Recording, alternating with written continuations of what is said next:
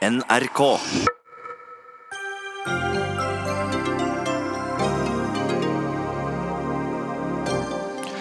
SV kaller regjeringen for soft, og mener Norge aktivt bør straffeforfølge IS-krigere, mens justisministeren slettes ikke vil ha dem hit. Bare måneder før kommunevalget skiftes halve byrådet i Bergen ut, men uten dramatikk, så hva er poenget? Skal også Kristelig Folkeparti vende ryggen til fedrekvoten? Helgens landsmøte kan vende tommelen ned for vernet pappaperiode. Og ti dager etter at han skulle snakke til folket, svarer omsider Frankrikes president om protestene til de gule vestene.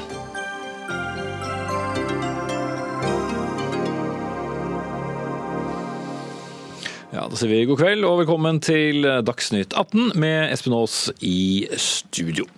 Og Vi skal eh, begynne med en sak som eh, har eh, blitt brukt mye tid på i mediene den siste tiden, nemlig IS-krigere med norsk statsborgerskap. Og Dersom ikke de melder seg frivillig for det norske rettsvesenet, så går de i teorien fritt rundt i Midtøsten eller andre steder.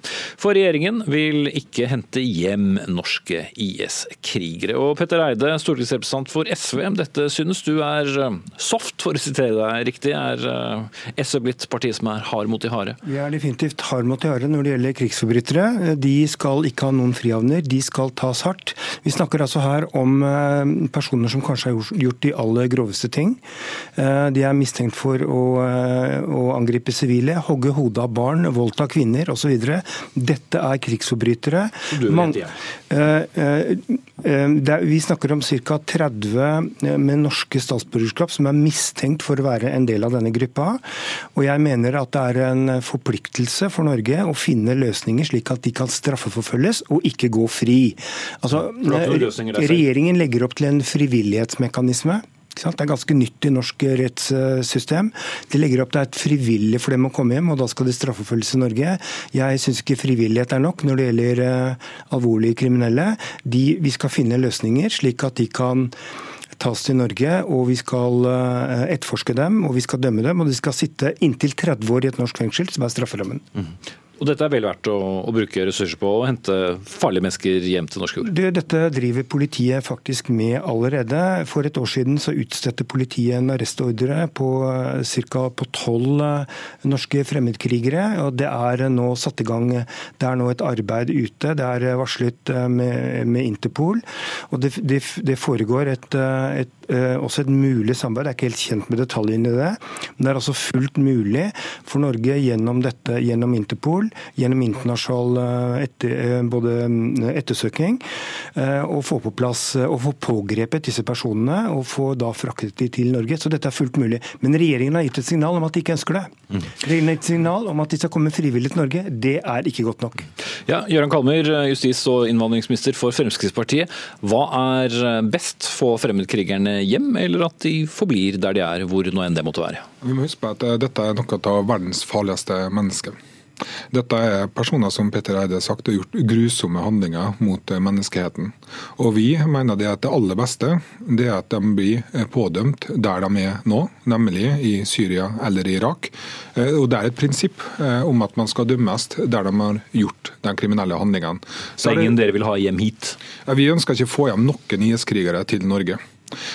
Og så er det altså slik at det er allerede etterforskning gjennom, som er FN-støtta der nede, og den gir også Norge støtte til.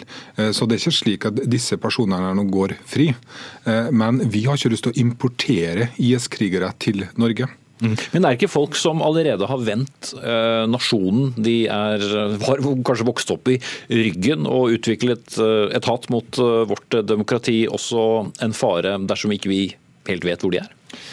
Ja, dette er jo farlige personer nesten uansett hvor de er igjen i verden. og Det er nettopp derfor Norge aktivt støtta opp under den etterforskninga som nå også FN støtta opp i både Syria og i Irak.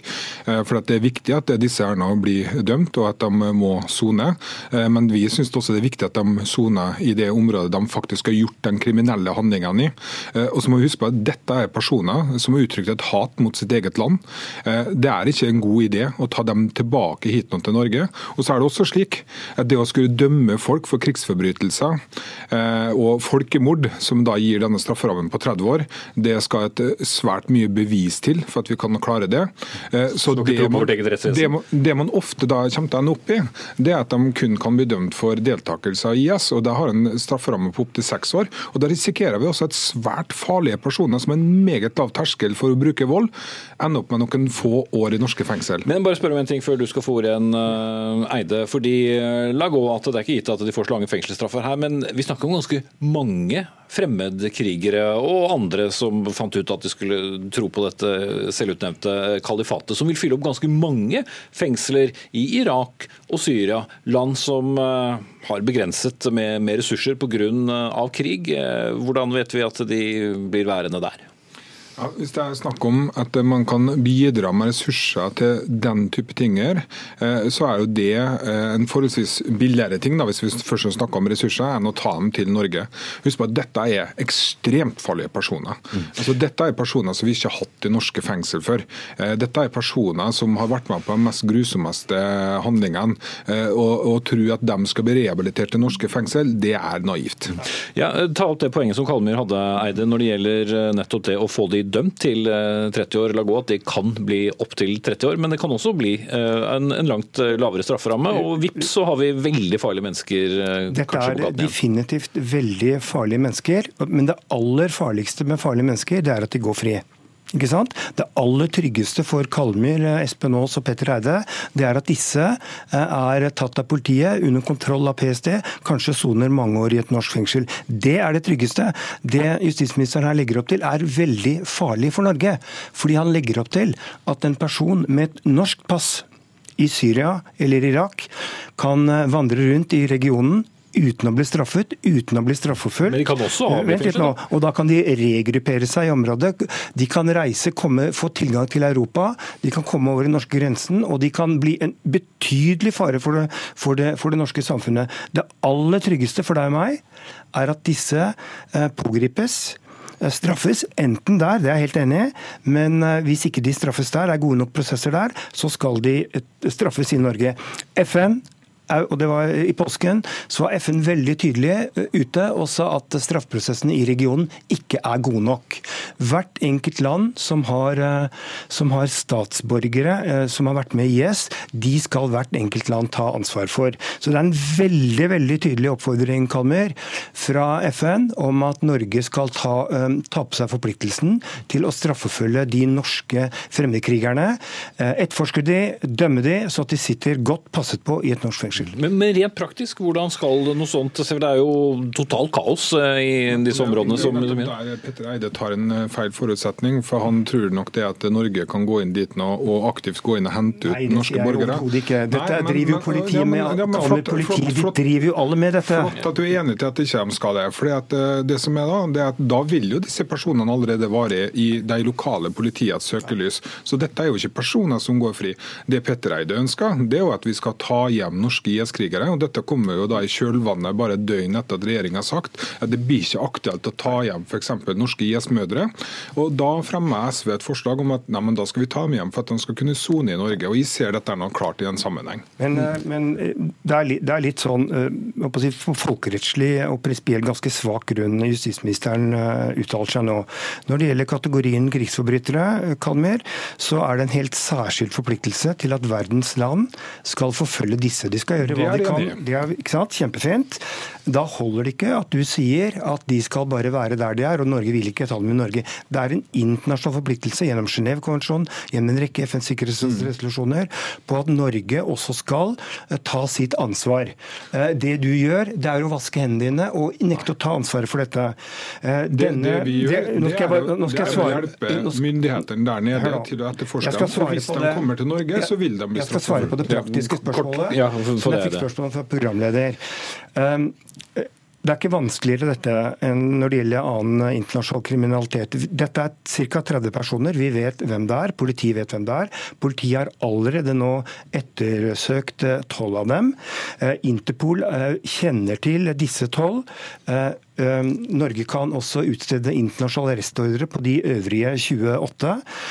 Så vil man i samarbeid med Interpol og også i samarbeid med lokalt politi der ha en arrestordre hvis disse personene pågripes, enten der eller på et eller annet sted i Europa, så skal, de, så skal Norge varsles, og da skal de tas til Norge. Og Norge skal kjøre prosess mot dem, som forhåpentligvis ender i en lang, lang fengselsdom, og vi vil ha full kontroll med dem. Mm.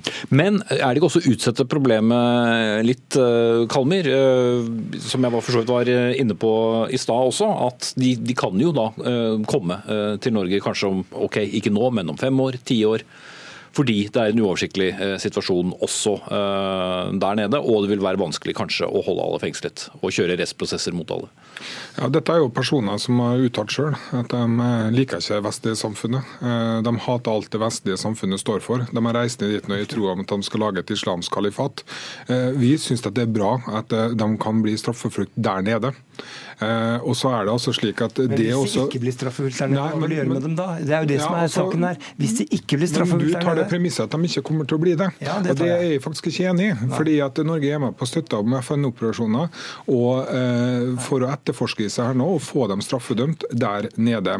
Eh, og Hvis det er slik at de likevel kommer til Europa, ja, ja. da må Norge ta sitt ansvar. Da må vi sørge for at de blir stilt for en norsk domstol. Det, det ansvaret tar vi. Og Det har vi tatt flere ganger. Det er mange som har kommet tilbake fra IS, som har blitt dømt. Men det jeg mistenker SV for å være opptatt av her nå, det er jo nettopp å hente hjem disse norske IS-mødrene, eh, som de eh, sannsynligvis har en stor bekymring for nå, ikke skal komme hjem som følge av at vi ikke ønsker vi, vi, vi, tar ikke den debatten, den tok vi med, med statsministeren her i denne stolen på, på tirsdag. Og beklager, mine herrer, men vår tid er en del av dem nei, du nå ønsker nei, nå, jeg, er, jeg er kun ute etter at mistenkte krigsforbrytere som har begått de mest alvorlige ting, skal straffes. Og Vi er blitt bedt om at de skal straffes i Norge av FN, og det syns jeg du skal ta ansvar for. Ok, Da har du poengtert det. Der er vi på overtid. Takk til eh, justis- og innvandringsminister Gøran Kalmyr fra Fremskrittspartiet og Petter Eide fra SV. Dagsnytt 18 alle hverdager klokka 18.00 på NRK P2 og NRK2.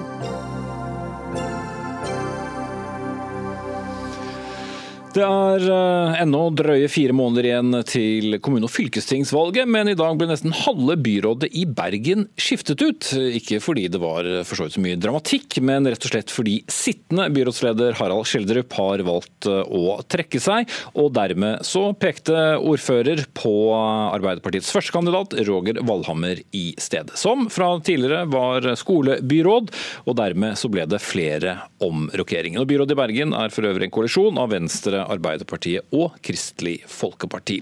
Så Roger Valhammer, du er med oss fra Bergen. Var det en stor overraskelse å bli utnevnt av ordfører Marte Mjøs Persen i dag? Eh, det var ikke en stor overraskelse at eh, Marte pekte på meg når eh, Harald fratrådte. Det var det ikke. Det er en dialog meg og Marte og Harald har hatt siden nominasjonen, og som Harald Schjelderup, tidligere byrådsleder, varsla allerede da at det var naturlig at vi tok. Så vi har hatt en dialog og ble enige før påske at nå var tida inne for å gjøre et skifte. Mm.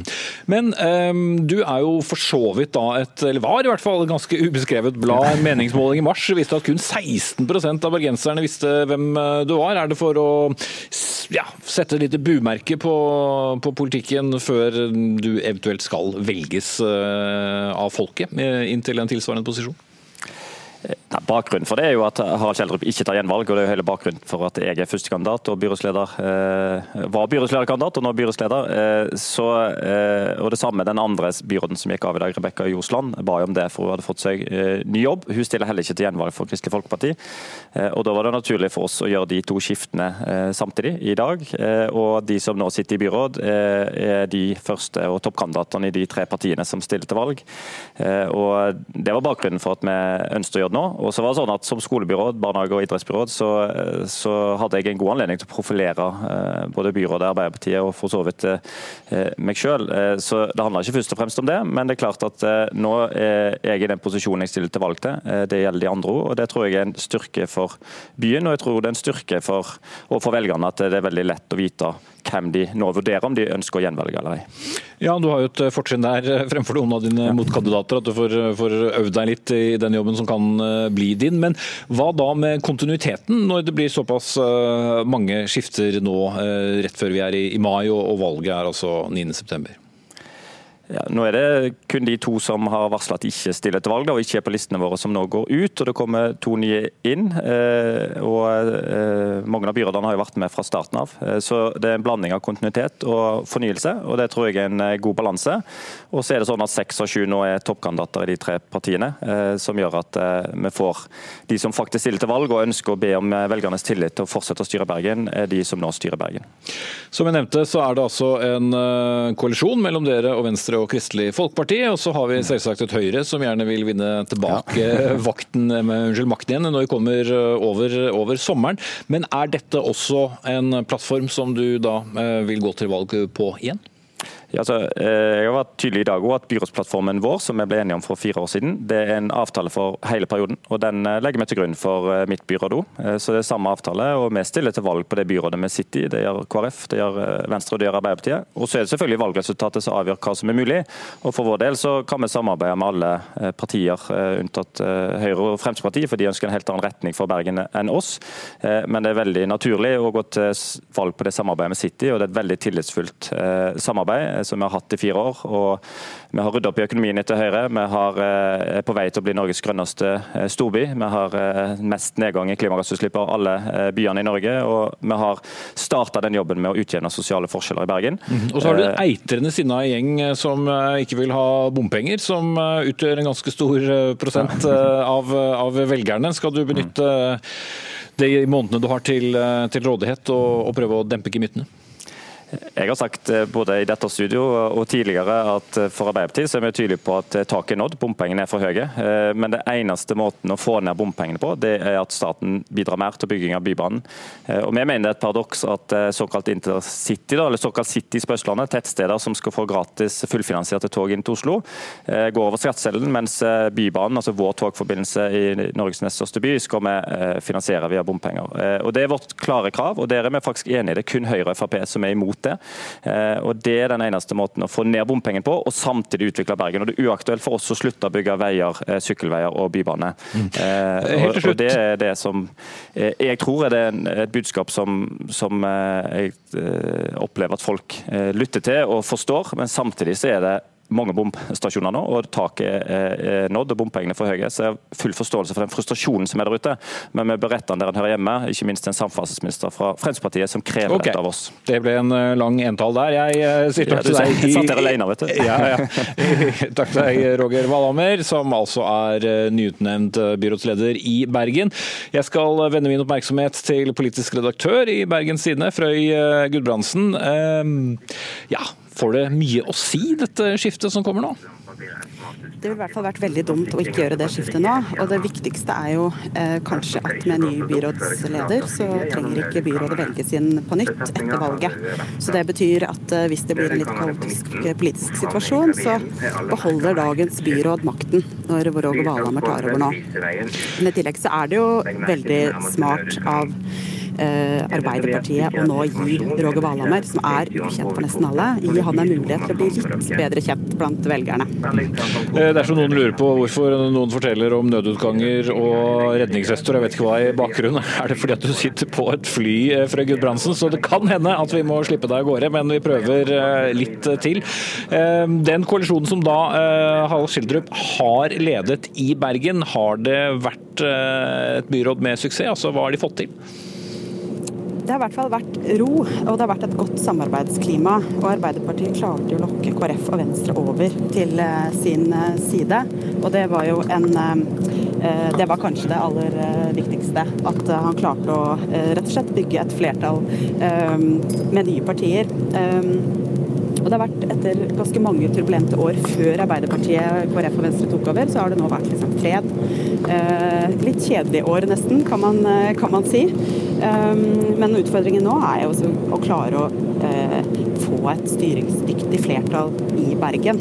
Og Derfor så får jo Roger Valhammer antageligvis en ganske mye vanskeligere jobb enn det Schjelderup har hatt i disse årene. Mm.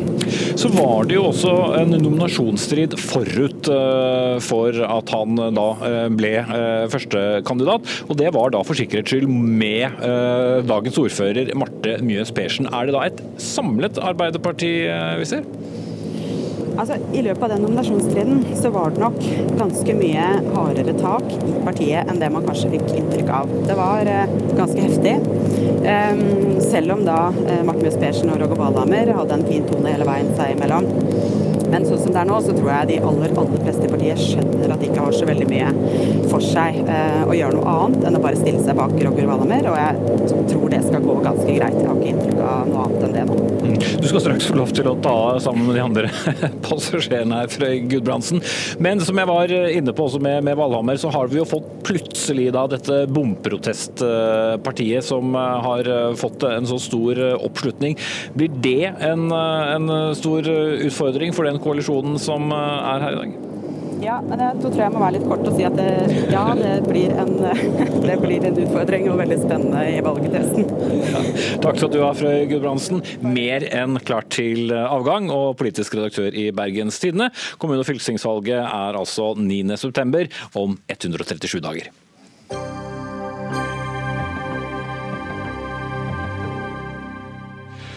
Vi er eh, inne i eh, landsmøtesesong eh, også, og pappaperm, eller fedrekvoten om du vil, ja det har jo vært en stadig gjenganger her i Dagsnytt 18 studio. Og på Kristelig Folkepartis landsmøte til helgen kan partiet gå inn for å fjerne den.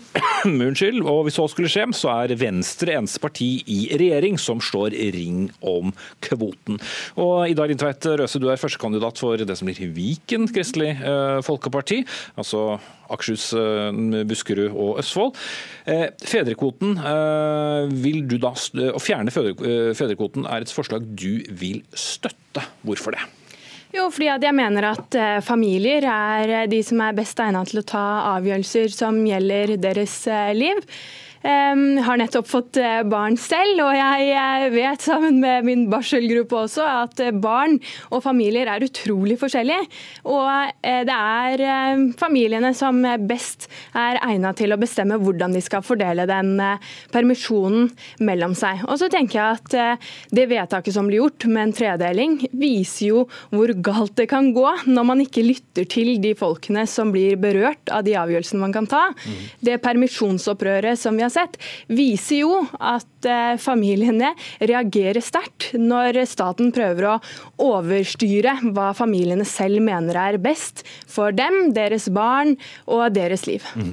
Og Hvis du skulle tippe, tror du da det nyfødte barnet får mest tid med mor eller far i løpet av det første året? Nei, jeg, tror det, jeg tror det avhenger helt av avgjørelsene til hver enkelt familie.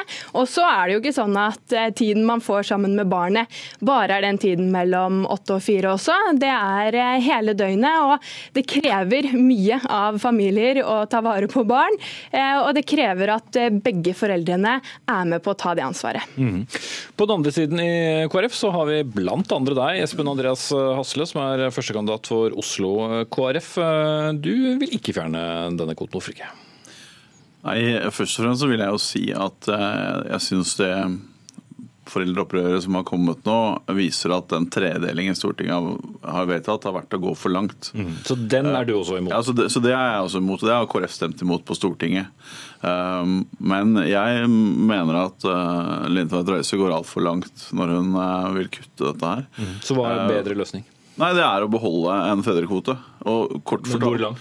Nei, om om den, vi har, Programmet vårt nå sier 14 uker. Jeg syns det er bra. Eh, for det gir allikevel masse Det mye av opprøret har vært på, er jo at man, mor må ut i permisjon altfor tidlig. Uh, ut av permisjon altfor tidlig. Og eh, med 14 kanskje vi burde se på 12 eller ned til 10 igjen i verste fall. Men uh, der, hvis man har 80% permisjon, så får man være hjemme lenge med barnet da. Uh, og jeg tenker Dette er viktig at vi har den kvoten, fordi hvis ikke så vet vi at pappaer tar ikke fedrekvoten. Hvis det ikke er en kvote der. Mm. Det så det som kommer til å skje hvis det blir 14 uker, er rett og slett at uh, pappa mest sannsynlig blir værende på 14 og ikke tar de 16 som i dag? Ja. Og det er greit? Ja, det er greit. Altså det, men det må jo hver enkelt familie velge selv. Men jeg sier vi må ha en kvote som er satt av til far. Mm. Men eh, få, altså, hva frykter du blir de store konsekvensene av at det blir en, en skjevfordeling? Altså, hvis det ikke er noen fedrekvote, så vet vi på rapportene på dette at da tar, ikke, da tar veldig få fedre ut dette her. Uh, og jeg er enig med uh, Lindtveit Røise at uh, vi skal ha en valgfrihet for familiene. Men spørsmålet er om det er en reell valgfrihet her. Så det vi vet er at For mange arbeidsgivere, så selv om far har rett til å ta ut permisjon valgfritt, så får de fedrekvoten sin, og hvis de tar ut mer enn det, så kan det være at de ikke får lønnsopprykk, de ikke får ikke stillingsopprykk. sånn at det, ligger et sosialt press hos veldig mange arbeidsgivere. Og så lenge det reelt sett er et problem, så er vi nødt til å ha en kvote sånn at vi i hvert fall sikrer at far får vært noe hjemme. Det handler ikke om å ikke gi valgfrihet, men det handler om å sikre denne valgfriheten til å ta den permisjonen, sånn at far også får tid hjemme. og Det er sunt for pappa og det er sunt for barna. Mm. Og Akkurat det er du sikkert enig i, Litveit eh, Røse, men eh, hva tenker du dette vil ha å si for likestilling? Nei, eh, jeg syns det er ganske provoserende å høre når politikere mener at de vet bedre for familiene enn det de vet selv. Eh, og sånn som den ordningen er i dag, så er det 15 uker. Du ønsker 14, det er i realiteten én uke mindre. Det spiller ikke så veldig stor rolle fra og til. Konsekvensen av denne ordningen det er ikke nødvendigvis at eh, kvinnene egentlig kommer tilbake raskere i jobb. Det gjør at de heller ender med å ta en del ulønna permisjon, fordi de ønsker og ser at de må være litt lenger hjemme, enten pga. amming, barnet, eller rett og slett at de selv ønsker lengre tid for å komme seg til fødsel. Um, så, så, jeg syns det er provoserende at man mener at man vet bedre enn familien selv. Og når kvinner da ender med å ta mer ulønna permisjon, så gjør det at kvinnene er lenger utenfra arbeidslivet. Det gjør at de går glipp av goder, og at de får en lavere tilknytning til arbeidslivet, som gjør det vanskeligere å komme tilbake. Og det er en stor likestillingsutfordring. Men nå legger du premisset veldig hos familien, men ofte handler det jo om også at hvis arbeidsgivere kan beholde da, eh, fedre lenger i jobben, så er det ofte det som eh, er årsaken til at de blir altså Det vil være et press så lenge den ikke er eh, lovbestemt. Så nå spiller du vel kanskje mer ballen tilbake til en del arbeidsgivere enn du gjør til familien? Ja, og jeg syns også for så vidt det er provoserende når arbeidsgivere sier at de ikke kan la mennene være hjemme i permisjon. Og da syns jeg jo at ballen skal tas der. Vi må jobbe mot arbeidslivet. Eh, vi må jobbe for med eh, likelønn mellom kvinner og menn, sånn at det er en, en likere balanse. Men at arbeidsgiverne tar sitt ansvar og sier at det er bra og det er viktig både for arbeidslivet, for likestillingen og for barna at mennene er hjemme. Denne debatten kommer jo opp på landsmøtet, du skal få svare, Hasle. Men hvorfor, eller hvordan tror du det vil gå nå? Altså Nå har jo denne debatten gått mye gjennom de siste årene, og vi har hatt eh, debatt oppe på landsmøtet til Høyre og Fremskrittspartiet også. Ja, og Høyre har jo så vidt jeg har skjønt snudd. Eh, sånn at Det blir jo spennende å se hva som skjer på KrF-landsmøtet. Men jeg har lyst til å presisere til at når jeg sier 14 uker, så sier jeg også det vi har i KrFs program i dag, at jeg vil utvide eh, permisjonen med én måned. Og Det betyr jo at altså, vil, Den totale lengden? Den totale lengden, ja. Sånn Det er også i programmet vårt, og det henger sammen. Så når vi, når vi sier, da, da, vil jo mor kunne ta mer tid. Og Når du sier at dette er et likestillingsproblem, så er det jo vel så stort likestillingsproblem hvis vi ender opp der hvor vi var før, at stort sett mor tar all permisjonen. For da får, ender det opp med at arbeidsgivere, når de skal ansette noen, tenker ja, skal vi ansette en dame eller en mann? Jo, en ung dame vil helt sikkert gå i permisjon. Nå har vi eh, sånn at begge kjønn tar permisjon. og Da er det mye mer likestilt, og man får et mer likestilt arbeidsmarked også. Så dette her er også et godt likestillingstiltak. Ja, du ønsker å utvide permisjonen, det gjør jeg òg. Men vi må se facts i øynene. Det kommer ikke til å skje. Og da skjer det istedenfor, sånn som KrF stemte for i Stortinget sin tid, at man legger kvotene til 14 uker og ikke utvider permisjonen. Mm. Men hvordan tror du landsmøtet vil stille seg til denne debatten? Det blir jo veldig spennende ja, fordi de andre kjempe... partiene også vil gjerne. Jeg tror det blir kjempespennende spennende, og jeg tror det blir spennende av én grunn. og Det er at man nå ser at familiene har tatt til motmæle. Man kan ikke drive og vedta forslag som trer eh, ulike ordninger ned over hodene på familiene. De har behov for å bestemme selv. De er ulike, har ulike behov. Eh, og da og må vi også tilrettelegge for det. Trenger ikke noe lovbestemt eh, hjelp for å få far mer hjemme? Nei, jeg syns ikke at vi politikere vet bedre enn det familiene vet om sin egen situasjon. Det får de få lov til å bestemme over selv. Okay, det har du sagt. Da har dere fått tatt ut ni minutter taletid til sammen her. Jeg permitterer det ut, og så tar dere opp saken på landsmøtet i helgen. Takk skal dere ha.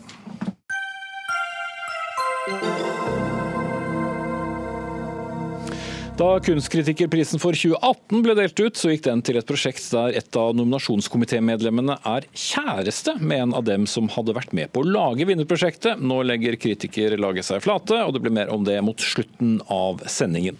Men eh, nå skal det handle om eh, næringspolitikk. Mindre olje og eiendom og finans, mer digitalisering og grønn infrastruktur. Ja, det er SVs vyer for en ny og grønn næringspolitikk som skal løftes frem via skattepolitikk. Den har som mål å bli kvitt oljeavhengigheten i Norge i løpet av de neste par tiårene. Og dette høres jo vakkert ut, Torgeir Knag Fylkesnes, nestleder SV og første nestleder av næringskomiteen på Stortinget. Hvordan skal dette skje i praksis? Altså, I dag går jo de store eh, pengene i samfunnet sånn som vi har lagt opp skattesystemet og sånt, til spesielt petroleumsnæringa, eiendomsnæringa og finans. Og så har regjeringa i tillegg da hatt som de store satsingene de siste årene å, å eh, redusere formuesskatten til de aller rikeste i samfunnet. Så hvis vi skal få til et grønt skifte Vi er i en krise nå i norsk eh, politikk. Vi trenger å gjennomgå et større grønt skifte i eh, norsk økonomi og næring. Så må vi vri dette her over. Vi må gjøre det mindre lukrativt å investere i eiendom, mer lukrativt å investere i grønn industri og næring. Så eiendom for alle, eller? Nei, altså, for å si sånn, I dag så er veldig mye av eiendomssektoren skattesubsidiert. Og vi vet at veldig mye av dette er spekulert, gjort store spekulasjonsinvesteringer i eiendomssektoren. Vi mener istedenfor å ha det så lukrativt å investere i eiendomssektoren, som skaper også store sosiale problemer, opp, øker prisene i boligmarkedet og gjør at folk taper eh, når, de kom, når de skal skaffe seg egen bolig, istedenfor at penger plasseres der, så ønsker vi å orientere penger mot det som er faktisk fremtida til norsk økonomi. Hvis vi skal skape en ny bærekraftig eh, økonomi og næring, så må vi begynne å orientere de pengene dit vi faktisk trenger det. Altså på Men i et, i et fritt, industri. I et fritt eh, grønt eh, industrimarked, eller skal det da plukkes ut uh, næringer fra staten? Ja, Det mener vi også. Altså, I dag så har vi allerede plukka ut noen næringer. Vi har plukka ut petroleumsnæringa, som har spesielt gode skattebetingelser. Man har plukka ut eiendomssektoren, som har spesielt gode skattebetingelser. Eh, vi trenger å omgjøre de eh, prioriteringene der og så begynne å se fremover. Hva skal være de neste større satsingene? Og da er det jo Hvordan vet vi det på forhånd? Eh, altså for å si sånn, Vi vet at i hvert fall ikke fremtida ligger i å plassere penger i eiendom, og heller ikke i petroleum. Men det vi vet er at grønn industri og grønn næring må være fremtida til dette landet. her. Og så mener det i tillegg SV da til å, til å vri investeringen i den retning. Så mener vi også at staten trenger å ta stilling til hva Norge har spesielt gode forutsetninger til å satse på. Sånn som vi har gjort f.eks. For i forskningspolitikken, der eh, regjeringa har, eh, har valgt ut enkelte områder der man mener at Norge har spesielt gode forutsetninger til å lykkes i forskning forskninga. Sånn vil vi også gjøre det innenfor næringsfeltet. Mm. Ja, Torbjørn Røe Saksen, næringsminister fra Høyre. Det er bare å ta med deg forslagene tilbake på kontoret og sette i gang? Det hadde blitt kjedelig for Dagsnytt 18, hadde det ikke det? Hvis, hvis vi var helt enige. Nei, altså, jeg er jo helt enig i den overordna ambisjonen. Det er ikke en ambisjon engang. Altså, det er nødvendig at vi er nødt til å vri vår økonomi over fra en økonomi som baserer seg på ikke-fornybare, til fornybare, nullutslipp, eh, grønn økonomi. Det er helt avhengig. Så der er vi helt enige. Så problem, Problemet er at eh, SV tror de kan frikoble næringspolitikk fra grønn næringspolitikk. Så de tror at gjennom en rød næringspolitikk som er dårlig for arbeidsplasser og bedrifter og nystarta selskaper, så skal det på mirakuløst vis opp, eh, liksom, komme ut grønne arbeidsplasser. Det, det, tror ikke jeg på. Men hvordan er det dårlig? Rett og slett er feil. Altså, hvis du ser gjennom det SV foreslår på Stortinget og det SV har i sitt program, så er SV blant de aller dårligste partiene på handel og markedsadgang, inkludert EØS. De er blant de partiene som viser null forståelse for at hvis du skal ha vekstnæringer i Norge, så må du ha investeringer. Da må du ha et godt skatte- og avgiftssystem. De er blant de aller dårligste på samferdsel og på vei, som er ikke minst viktig for distriktsnæringene. Jo, det, det de er blant de svakeste på privat tjenesteutvikling og private tjenesteleverandører. Der, men, for å nevne noe. Ja, ja. Men poenget da til Fylkesnes eh, med å si at det må altså, innrømmes færre eh, skattefordeler med de næringene, Altså, så, bønn og, og heller jeg- flytte dem til grønne næringer. Er det, er, Jeg, er det så dumt? jeg er enig i problembeskrivelsen når det gjelder eiendom. For det, I lang tid så var det slik at bl.a. gjennom formuesskatten så var det gunstigere for personer å investere i eiendom enn å investere i bedrifter. Det er dumt, og derfor har regjeringa gjort noe med det. Så jeg er jeg ikke enig i at vi skal innføre en nasjonal boligskatt, men det er vel ikke diskusjonen her. Jeg tror Hovedproblemet med innfallsvinkelen til SV det er at de tror at eh, olje- og gassnæringen kan du nærmest liksom skru av, og så skal du få all innovasjonskraften og all kompetansen fra den for å drive det grønne skiftet likevel.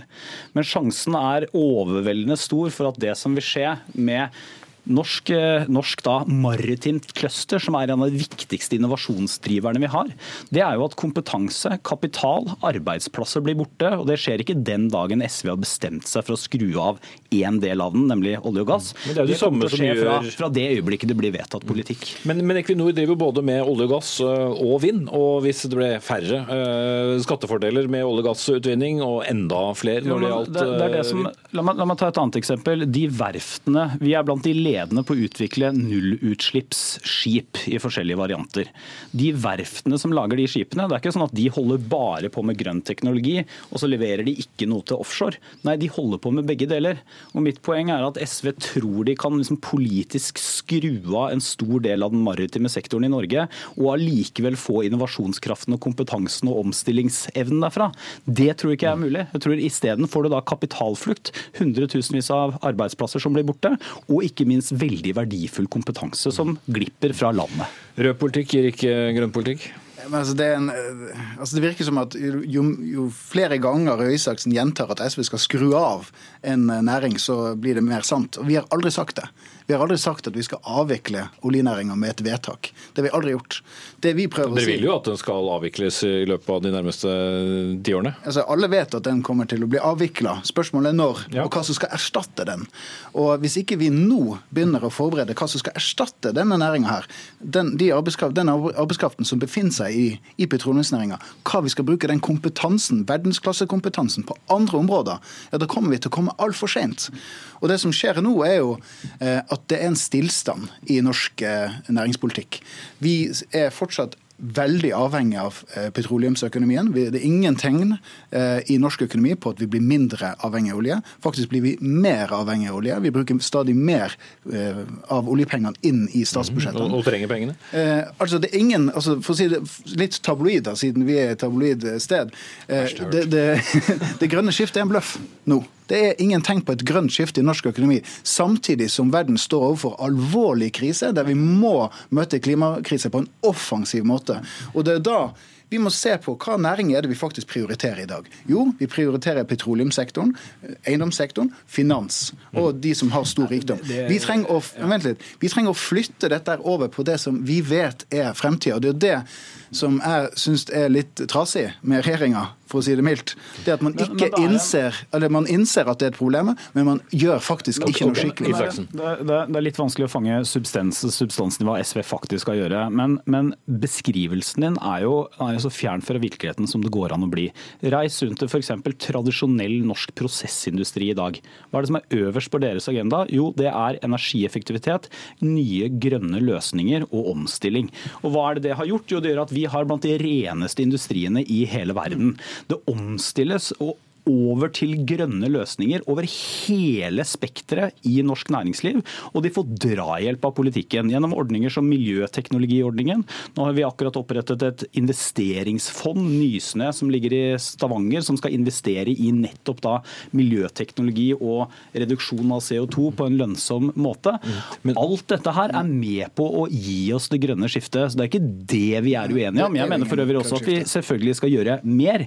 Det vi er grunnleggende det grunnlegg- Ja, som er ja, helt åpenbart. Vi er nødt til å gjøre enda mer. Men det som er problemet, er at på alle de andre politikkområdene SV har ikke noe problem med å snakke om grønn næringspolitikk, men på alle andre områder som skal til for å få nyskaping, for å få en bedrift til å vokse, for å få noen til å investere kapital i den bedriften, så er SV blant de aller mest næringslivsfiendtlige partiene vi har. nei, Helt nei. konsekvent. For dere tror at staten skal gjøre alt dette her. Altså, bare for å avlive den, den myten som jeg ønsker å spre her. Det, altså, SV har i våre alternative budsjetter de aller største næringsbudsjettene av alle partiene på Stortinget. Men, men bare merk hva du sier nå, for det er, det er, veldig illustrerende. Fordi, du tror fordi, at det største ja, næringsbudsjettet over statsbudsjettet At vi står over for en klimakrise. Fordi at vi mener at vi må bruke næringspolitikken aktivt fra staten som et verktøy for å komme oss gjennom den krisen der. Og bruke mer som, penger. Eh, ja, altså hvis vi skal klare å komme oss gjennom den krisa vi står overfor nå, så har både vår historie vist, og eh, eksempler fra utlandet også, at vi trenger en aktiv stat kombinert med et ambisiøst næringsliv. Det er det samspillet vi kan få til store skifter. Men, men så aktiv stat vil ikke du ha? Jo, altså, jeg synes vi må ta livet av en, en, annen ting, for det var interessant at han trakk frem industripolitikk her. For det, hva er det som skjer på industrifeltet? Jo, de siste årene så har vi faktisk ikke sett en økning i landindustrien. Se, se på, tallene, se på tallene, siste året har det vært en liten vekst i maritim industri, men årene før har det faktisk okay, vært en nedgang. Eh, og det er fordi at man har Nei, systematisk nedprioritert industrifeltet ja. gjennom avskrivningsregjeringa ja. bl.a. Altså, vi, trenger, vi trenger en aktiv næringspolitikk. og Det betyr også at vi satser ekstra på områder hvor Norge er ekstra gode. og Det betyr at noen bransjer, f.eks. Eh, industri som har spesielle behov, det må vi ta hensyn til, for det er helt avgjørende for norsk økonomi. Vi bygger også, løfter også fram nye næringer, helsenæringen eh, f.eks., som vi har brukt mye tid på nå. Men, men den grunnleggende forskjellen er jo, som Fylkesnes så avslørende sa, at SV tror at den beste næringspolitikken det er et størst mulig næringsbudsjett. For det første skjønner man ikke da at de aller aller viktigste tingene for, Ja, det var det. det var, nei, det var i hvert fall Hva politikere som ikke gjengir hverandre Jo, men altså, For det første så, så, ser man ikke da at de aller viktigste tingene, det jeg møter når jeg er ute på bedrifter, det er jo det er samferdsel, det er skatter og avgifter, det er yrkesfagutdanninga, ikke minst. Det er minst like viktig som næringspolitikken. Men det andre er at man ser jo ikke alle de andre områdene som må til for at du skal kunne bygge en bedrift også en grønn bedrift. Det er ikke bare fint, viktig med miljøteknologiordning, forskning på, på nye grønne løsninger, som vi har økt massivt i vår regjeringsperiode. Men det er minst like viktig at du har et skatteregime som ikke kveler deg i det øyeblikket bedriften din blir mye verdt, men du tjener faktisk ikke penger. Og mitt poeng er at igjen, SV tror at en rød næringspolitikk kommer til å gi masse grønne arbeidsplasser, men sannsynligvis gir det bare røde tall. Der fikk du gjentatt det. Den større hos deg var kanskje i navnet. Torbjørn Røe Isaksen, næringsminister eh, fra Høyre, og Torgeir Knag Fylkesnes, nestleder i SV. Hør Dagsnytt 18 når du vil. Radio NRK Radio.nrk.no.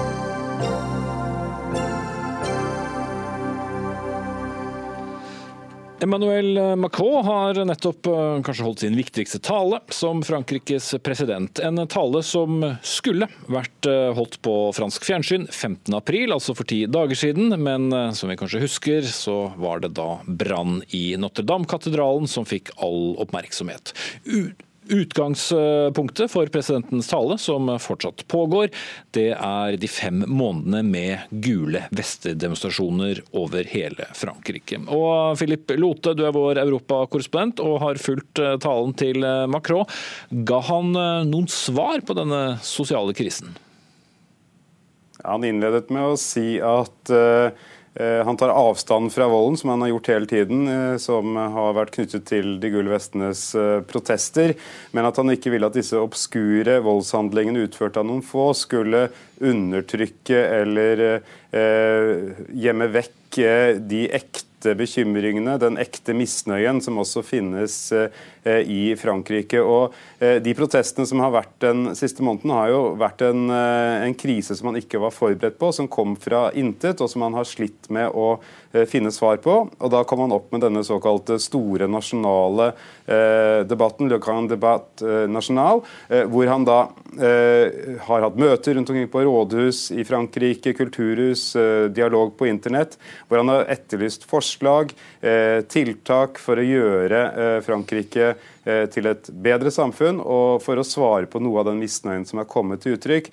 Og Noe av det han sa i dag, var bl.a. at han vil gjøre det enklere forenkle reglene for lokale eh, folkeavstemninger.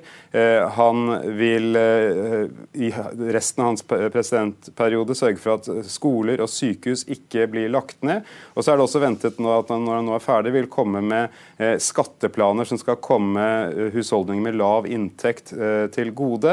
Han skal gjøre det lettere for enslige foreldre, og også styrke pensjonistenes vilkår, da særlig de pensjonistene med lavest pensjon.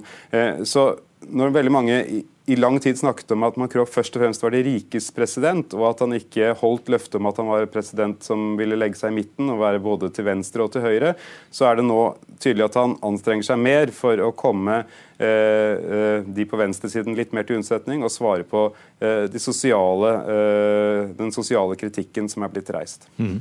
Tove Gravdal, journalist i Morgenbladet og Frankrike-kjenner etter mange år i landet. Du har også fulgt med på talen helt til du måtte inn i, i studio her. Hva slags inntrykk fikk du av den? Var det en president som også bedrev en viss form for selvrefleksjon her?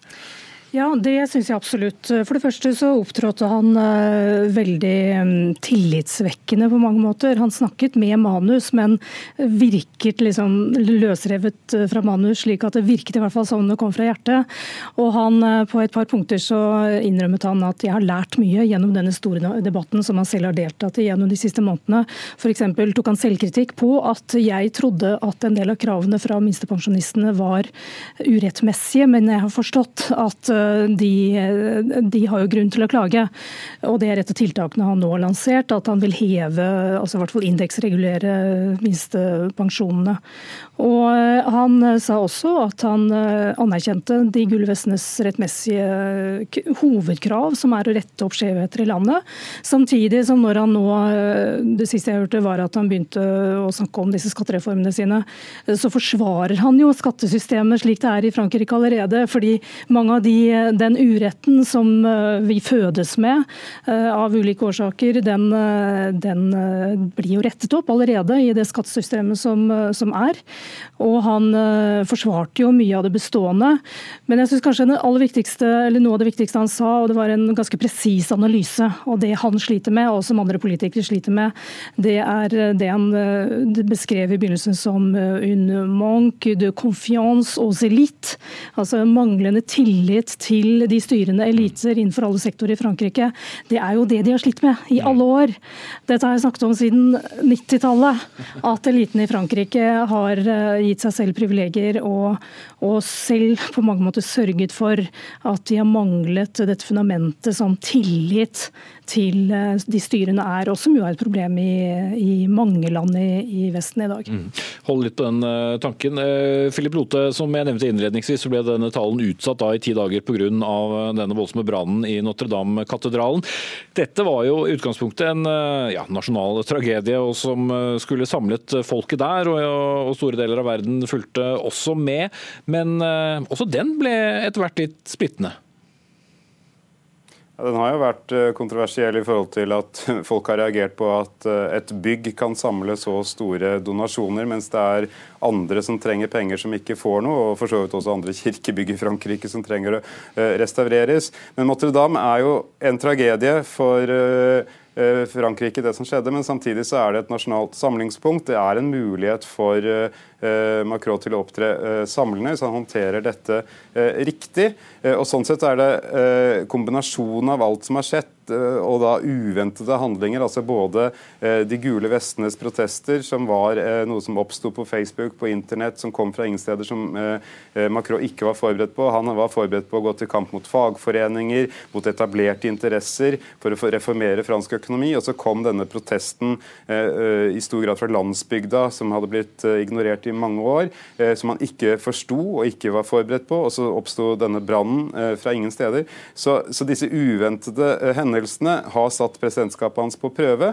og Derfor så er jo den talen i kveld eh, så viktig. Og det som Tove Gravdal også sa om eh, eh, den manglende tillit til eliten, det er jo ikke eh, det er i veldig stor grad et fransk problem, men det er jo også et stort europeisk problem, og veldig viktig for Macron nå før det store EU-valget, hvor EU skal velge, alle EUs innbyggere skal velge et nytt EU-parlament, og som er et veldig viktig valg for Macron. Han ønsker å vinne dette valget sammen med andre eh, sentrumsliberale krefter i Europa for å eh, endre Europa, skape et sterkere Europa et, etter hans visjon, og et Europa med en sterkere og mer moderne økonomi. Så Sånn sett er denne talen viktig for hans presidentskap i Frankrike, men det er også veldig viktig for hans ambisjoner i Europa. Mm.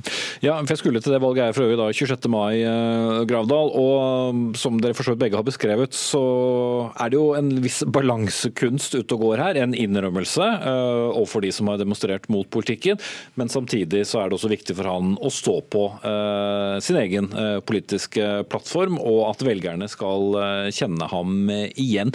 Er det derfor en ganske presset Macron vi ser. Han skal jo ikke bare holde talen, men han skal også da møte pressen etterpå, som vel ikke heller har vært så vanlig for han i den eh, perioden som han eh, har sittet. Det er litt underlig dette at han har et eh, litt dårlig forhold til pressen. fordi at Macron er jo mye mye flinkere til å snakke uten manus enn noen av hans forgjengere. Han er en orator av, av dimensjoner.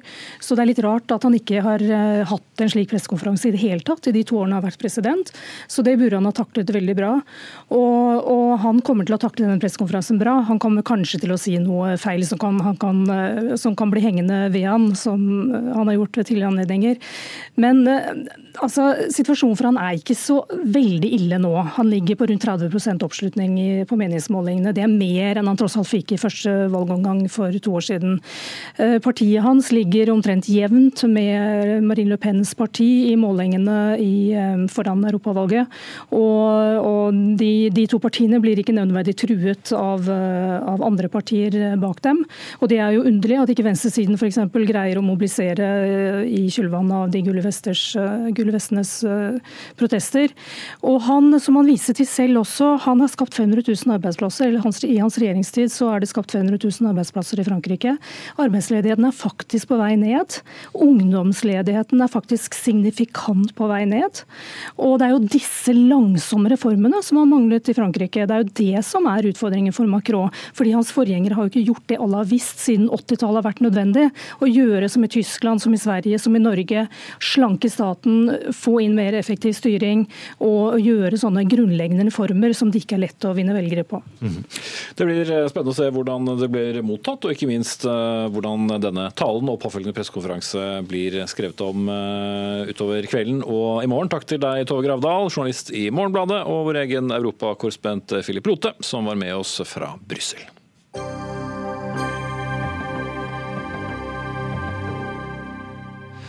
Da skal vi runde av denne sendingen med å snakke om Kunstkritikerprisen for 2018, som gikk til kunstprosjektet Munchmuseet i bevegelse. Men nettmagasinet Subjekt påpekte i den forbindelse at et av nominasjonskomitémedlemmene er kjæreste med en av kunstnerne som var involvert i vinnerprosjektet, altså ikke hovedkunstneren. Det er Norsk Kritikerlag som deler ut denne prisen til det prosjektet som de mener har høyest kvalitet. Men det var altså en relasjon mellom de som gir ut pris, og blant de som eh, har laget prosjektet, så hva da med habilitet og integritet, mon tro. Kritikerlaget har nå sagt at eh, dette ser uheldig ut. Eh, Heidi Bahl Amundsen, er styreleder der. Hva er det dere tar selvkritikk på? Nei, vi vil først si det at Habilitet det er jo vanskelig nettopp fordi det er skjønnsmessig. Men nettopp det at dette har blitt en sak, det gjør det jo klart at det som har skjedd var uheldig, fordi det ser, ser problematisk ut fra utsiden. Og uh, at et av medlemmene i Arbeidsutvalget for kunst burde ha meldt seg inhabil. Men gjorde han ikke det? Eh, kan si det sånn, nå skal det sies at Jeg er fersk leder i Norsk Kritikerlag, så jeg var ikke involvert i denne prosessen. Men på generelt grunnlag så burde, jo, burde det ha vært en diskusjon i eh, Arbeidsutvalget for kunst hvor de kom fram til at han var inhabil, og det burde da bli meldt til styret. Mm. Det ble ikke gjort. Dan Roy, du er da sjefredaktør i, i, Subjekt, og som har skrevet uh, om denne uh, saken, som er da altså mellom nominasjonskomitémedlem Andreas Breivik og en av de som jobbet sammen med prisvinneren om, uh, om, prosjektet. Men mener du også at dette har fått følger for utfallet? Eh, når det gjelder habilitet, så er ikke det spørsmålet så utrolig viktig nødvendigvis. Eh, det er eh, vanskelig å bedømme hvorvidt dømmekraften har vært av faktisk karakter. Altså farget av hans inhabilitet. Habilitet handler jo, som du også sier, om tillit og troverdighet, og i det hele tatt om å unngå å kunne skape rom for spekulasjon. Litt enkelt forklart om at egeninteressene til noen i en jury ikke skal kunne svekke tilliten til selve prisen.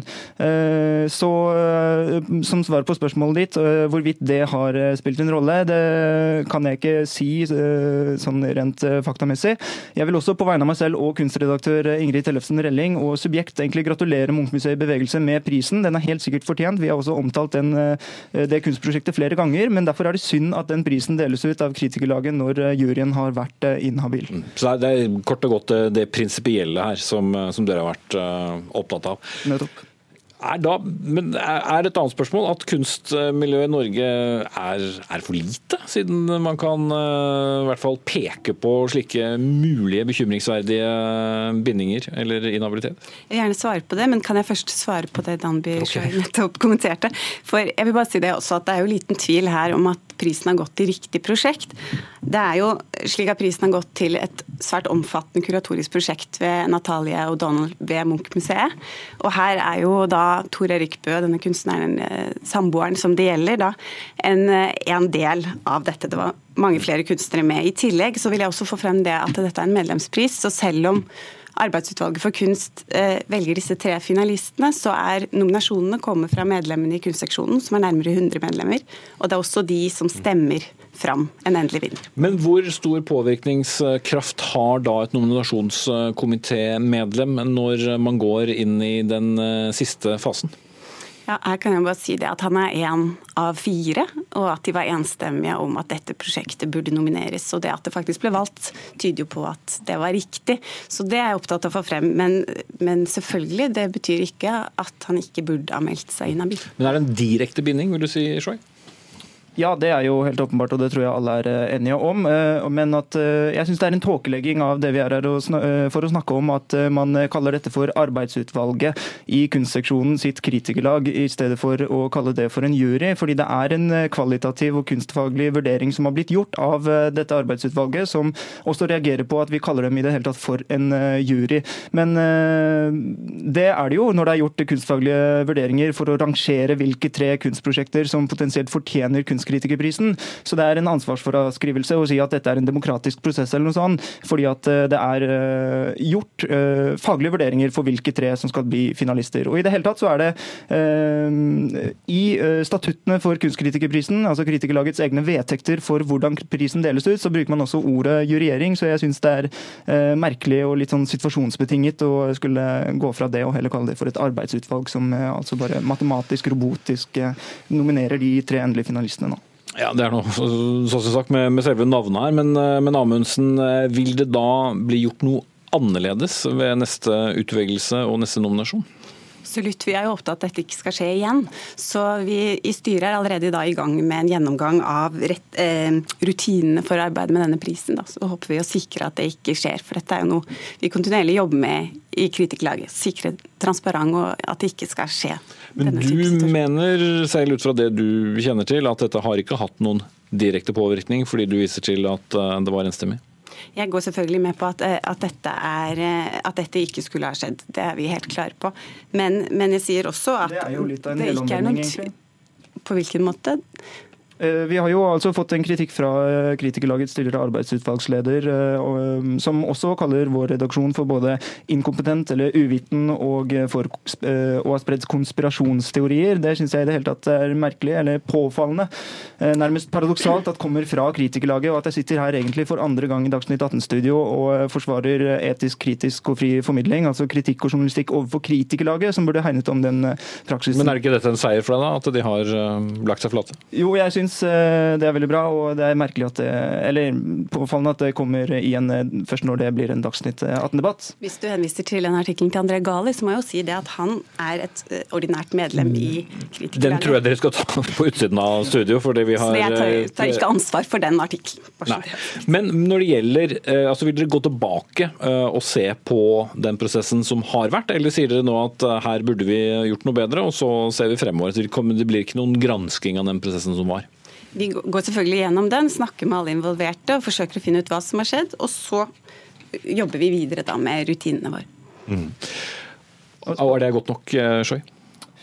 Ja, altså Jeg er jo ikke bare her for å kritisere kritikerlaget, jeg er også for å forsvare kunstredaktør Ingrid Tellefsen Relling og eh, Subjektsredaksjon, som har blitt eh, utsatt for eh, et angrep fra, ja, som du sier, riktignok, og en viktig presisering at han bare er medlem i kritikerlaget, men det er også en populær mening som kritikerlaget også har likt og stått bak. Jeg føler du er på vei inn i en annen debatt som jeg garanterer at ikke vi har nok sekunder igjen, så derfor sier jeg takk til deg, sjefredaktør Nei, nei, vi har ikke tid. Dan Bishoy, sjefredaktør i Subjekt, Heidi Bale Amundsen, styreleder i Norsk Kritiker musikerlag. For jeg skal nå minne om programmet Debatten, som går på NRK1 i kveld med Fredrik Solvang klokken 21.25, der temaet er Resett, og man stiller spørsmål om det er et kloakkanlegg eller en kanal for sunn fornuft. Ansvarlig for denne sendingen det var Jaran Ree Mikkelsen. Frode Thorshaug tok seg av det tekniske. Jeg heter Espen Aas. Vi er på plass igjen samme tid og sted og alt det der i morgen.